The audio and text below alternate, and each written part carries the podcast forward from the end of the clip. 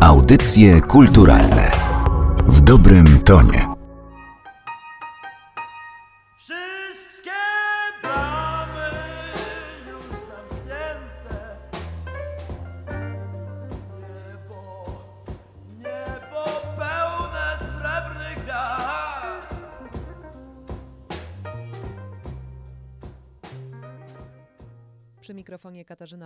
Dzień dobry. Spotykamy się dziś z legendą polskiej muzyki i głosem, który rozpoczął główny koncert Europejskiego Stadionu Kultury, czyli festiwalu Wschód Kultury w Rzeszowie, z Krzysztofem Cugowskim. Dzień dobry. Dzień dobry, kłaniam się, dzień dobry pani. Ideą koncertu był występ polskich muzyków wraz z wybranymi artystami z Europy i ze świata. W pana przypadku była to Polska Orkiestra Filharmonii Podkarpackiej imienia Artura Malawskiego pod kierownictwem Tomasza Szymusia oraz zespół mistrzów, z którym to zespołem występuje pan już od jakiegoś czasu. Czy spotkanie muzyka rockowego z muzykami z Filharmonii to dla pana wyjątkowe doświadczenie? Wie pani, nie, ja od dłuższego czasu grywam różne imprezy z orkiestrami symfonicznymi. Śpiewam też trochę klasyki. Mamy z panią Aleksandrą Kurzak, wielką polską śpiewaczką operową, mamy taki program pod tytułem Dwa żywioły, gdzie, gdzie śpiewamy. Ja śpiewam swoje rzeczy w aranżacjach tylko na orkiestrę symfoniczną. Oczywiście Ola śpiewa swoje rzeczy, to jest jasne. I śpiewamy też razem kilka rzeczy z mojego repertuaru i kilka rzeczy z repertuaru klasycznego. Także dosyć taki ciekawy, ciekawy koncert. Także spotkanie z muzykami filharmonicznymi nie jest mi obce. Lubię to, zwłaszcza jeszcze że dyrygentem orkiestry podkarpackiej jest, jest mój człowiek, którego doskonale znam, pan Tomasz Szymuś, także sami znajomi. No i oczywiście mój, mój zespół, zespół mistrzów to jest zupełnie inna sprawa. Także to wszystko razem sprawia mi wielką radość. A ile osób w sumie na scenie wystąpiło? Bo to jest chyba liczba już przekraczająca tak, no taki jest standard. Pięciu, prawda, zespołu mistrzów. No orkiestra symfoniczna, jak to orkiestra symfoniczna, jest dosyć liczna. Także y, trudno mi powiedzieć, nie, nie ukrywam, nie liczyłem. Kiedyś graliśmy z Olą Kurzak w hali stulecia we Wrocławiu, no to tam było rzeczywiście, bo tam była pełna orkiestra symfoniczna, 80 osób, jeszcze do tego były dwa chóry. No po prostu trudno było to wszystko, całe towarzystwo na scenie zmieścić, ale jakoś się udało i najważniejsze, że nie mieliśmy przewagi liczebnej nad publicznością. To rzeczywiście sukces, bo przy tak dużej liczbie osób rzeczywiście można byłoby pogubić te proporcje. Czarny Maxwell George bluesa.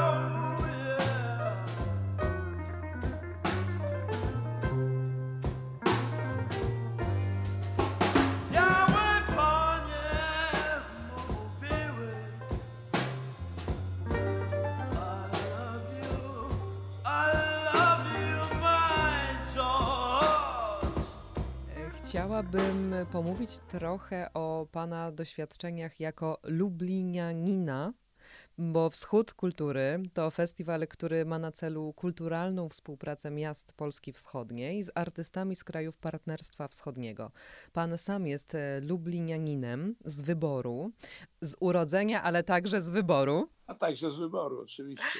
Ja mam takie no, dosyć bogate doświadczenie, jeżeli chodzi o tak zwaną ścianę wschodnią, bo chcę powiedzieć, że w roku 71 studiowałem rok w Rzeszowie, także Rzeszów jako miasto nie jest mi obce, a ściana wschodnia, no, no, no, no niestety, tego typu inicjatywy jak w przypadku tego festiwalu są absolutnie potrzebne, ponieważ ta ściana wschodnia nasza jest taka no troszkę zapóźniona z różnych powodów. Jeżeli chodzi o infrastrukturę, jeżeli chodzi o, o wszystko, łącznie z, z kulturą, no bo to jeżeli się omija te województwa wschodnie przez wiele, wiele lat od komunizmu począwszy po współczesne czasy, no to takie są efekty. Wie pani, jak ja pamiętam, przyjeżdżałem do Rzeszowa, m, byłem na studiach, mieszkałem w akademiku, no to ten Rzeszów wtedy to był, no wie pani, z tych trzech dużych miast, czyli Białystok, Lublin, Rzeszów, to Rzeszów zrobił największy skok cywilizacyjny. Ja mieszkałem rok w Rzeszowie, a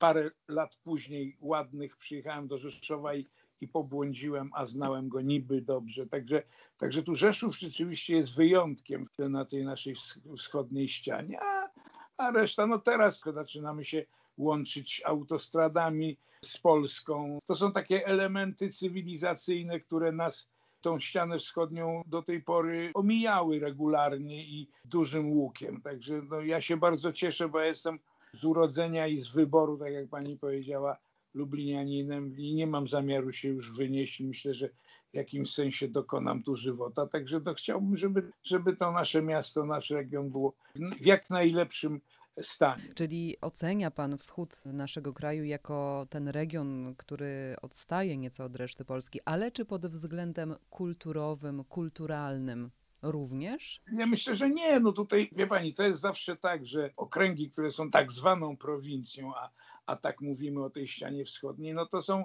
dosyć ambitni i, i nie rezygnują. I dlatego z tych naszych miast wyszło bardzo dużo ludzi, którzy mają swoje miejsce w kulturze polskiej. I to nie jest tak, że to jest y, podobieństwo z ogólnym stanem tej ściany wschodniej po pierwsze, to jest, to jest jedno. Po drugie, powiązanie z y, terenami wschodnimi, z naszymi kiedyś terytoriami wschodnimi, gdzie jednak przechodzenie kultur było bardzo duże, bo tu, prawda, na Kresach była była i kultura ukraińska, była żydowska, były kilka różnych rzeczy, które się przenikało i, i które pozostały i znakomitym pomysłem jest, jest tego typu festiwal, który chce integrować te, te rejony, bo ci ludzie z, z tych terenów wschodnich oni z, z, przyjemnością tu przyjadą i pokażą co to, a e, ja mam takie doświadczenia, że na Ukrainie też nie ma tak, że tam się nic nie dzieje. Tam się dzieje bardzo wiele, tylko my po prostu niewiele o tym wiemy. I tego typu festiwal jak w Rzeszowie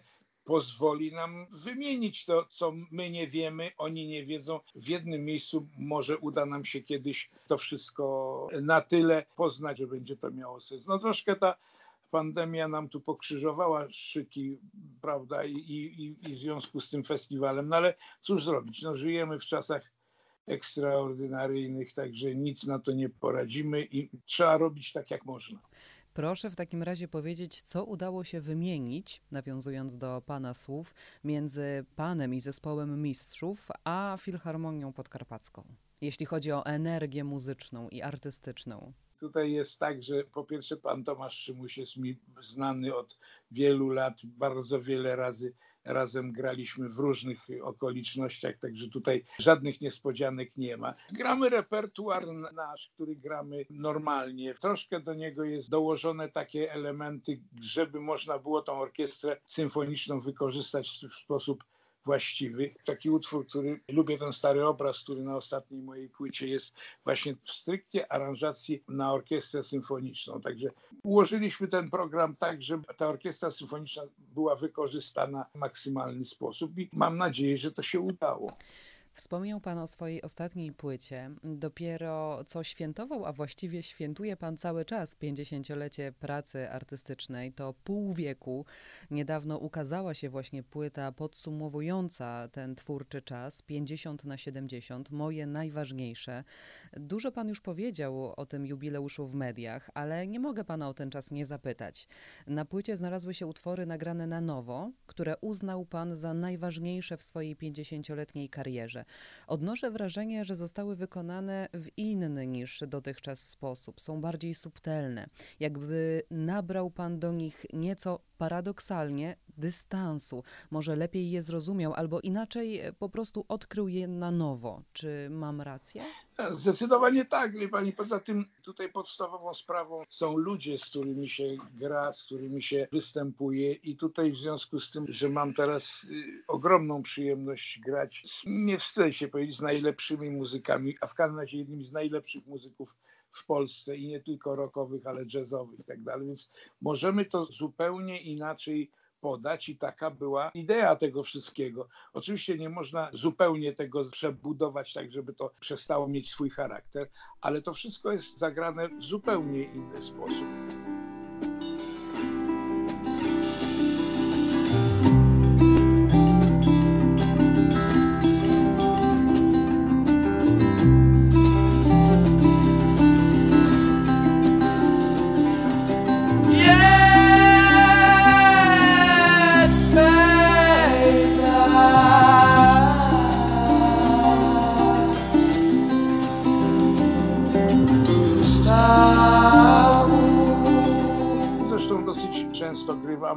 Teraz koncerty właśnie akustycznie, ponieważ wszystkie koncerty w salach, a grywa się różne. Nie, nie tylko plenery, no a w tej chwili w ogóle się nie gra plenera, w, w tych czasach normalności. Graliśmy dosyć dużo koncertów w salach różnej wielkości. I granie w takich salach elektrycznie, czyli głośno, mija się z celem, bo większość sal w Polsce się nie nadaje do grania głośnego, bo to są głównie sale gimnastyczne trochę przebudowane i tyle. No. Ale nie można chyba powiedzieć, że tylko kwestie techniczne zdecydowały o tym, że wybrał pan tę bardziej akustyczną stronę e, muzyki.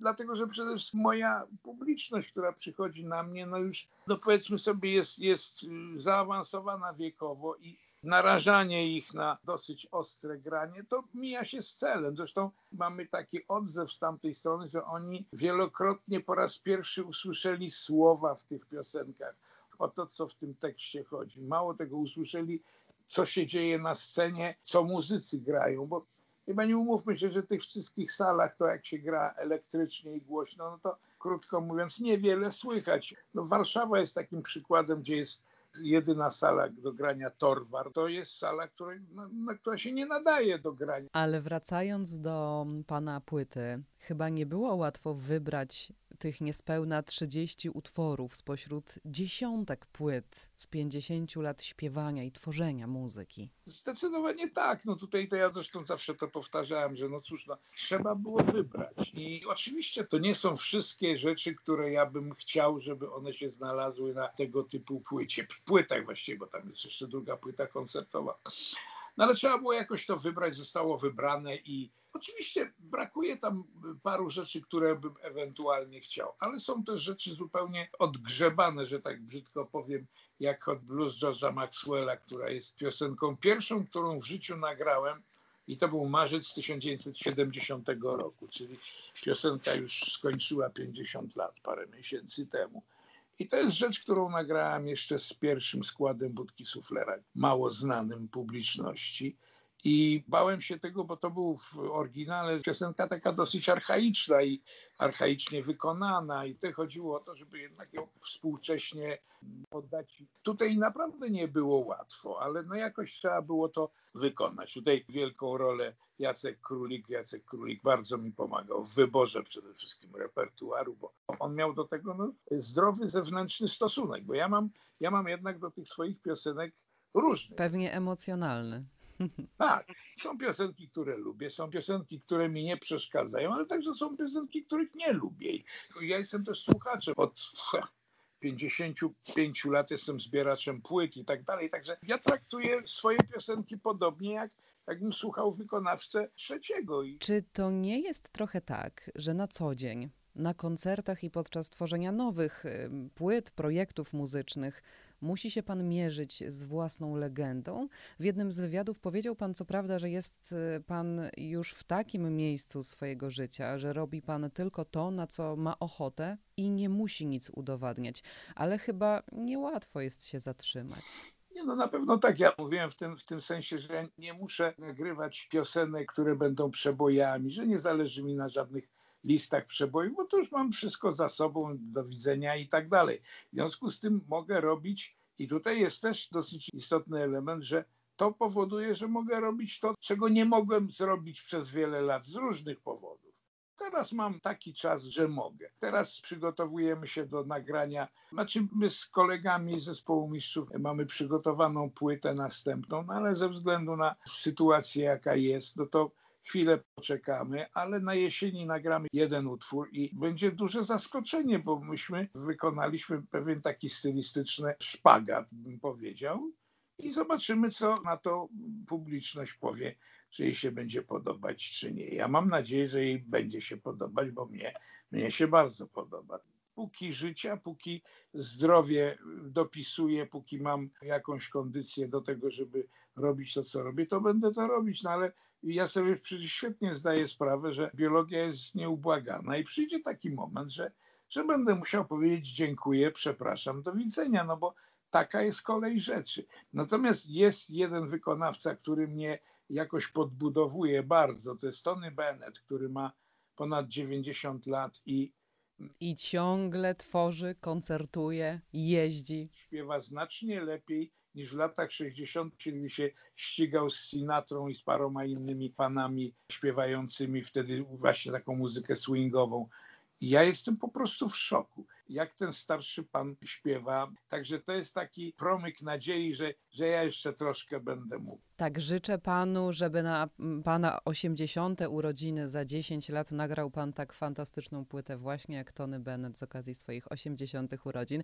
Ale muszę jeszcze dopytać to, co w przyszłości, ale e, tej bliższej. Wspomniał pan o tym, że e, będą panowie z zespołu mistrzów razem z panem e, robić szpagat stylistyczny.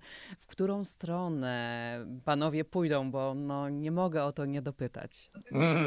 Wie pani, na pewno no, tutaj sama obecność tych muzyków powoduje, że nie pójdziemy w kierunku disco polo, no, co, co, jest oczywiście, co jest oczywiście błędem taktycznym, no, ale, no, ale trudno, nie, nie w tym kierunku. Myślę, że w zupełnie przeciwnym. Bardzo się cieszę. Ale to będzie niespodzianka. Niech słuchacze to usłyszą i, i zobaczymy, co będzie. Dobrze, czekamy cierpliwie. Muszę jeszcze dopytać o jedną rzecz, która padła w, w ostatnich paru minutach. Powiedział pan, że jest pan słuchaczem swoich utworów, e, również jako osoba taka nieco z zewnątrz, oceniając je krytycznym okiem. Jakich piosenek mm, pan nie lubi ze swojego repertuaru? Nie mogę powiedzieć, bo to wie pani, jak to jest. To, to tak samo jakby człowiek powiedział, że mam trzech synów i powiedział, że tego lubię, tamtego średnio, a jednego nie lubię. No, no nie mogę tak zrobić. Ale tak jest rzeczywiście, wie pani, ja patrzę na to realnie. Ja jestem człowiekiem, który się wychował na rytm bluesie czarnym, białym, na muzyce bluesowej i takie ciągoty i taki background, jak to teraz brzydko mówią, mam i, i, z tego się nie wyleczę. W związku z tym muzykę w ogóle generalnie podchodzę do niej z tej strony.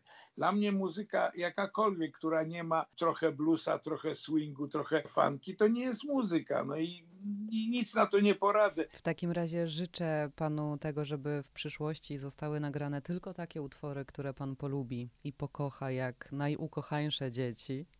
Bardzo dziękuję za to spotkanie. Moim i Państwa gościem był dzisiaj Krzysztof Cugowski, który był jedną z głównych gwiazd Europejskiego Stadionu Kultury, czyli Festiwalu Wschód Kultury w Rzeszowie.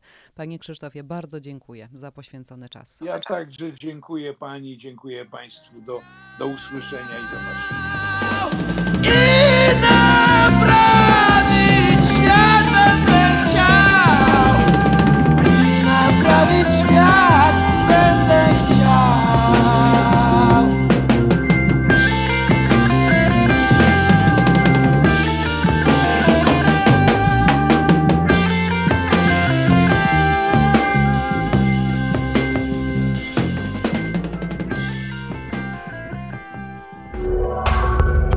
Audycje kulturalne w dobrym tonie.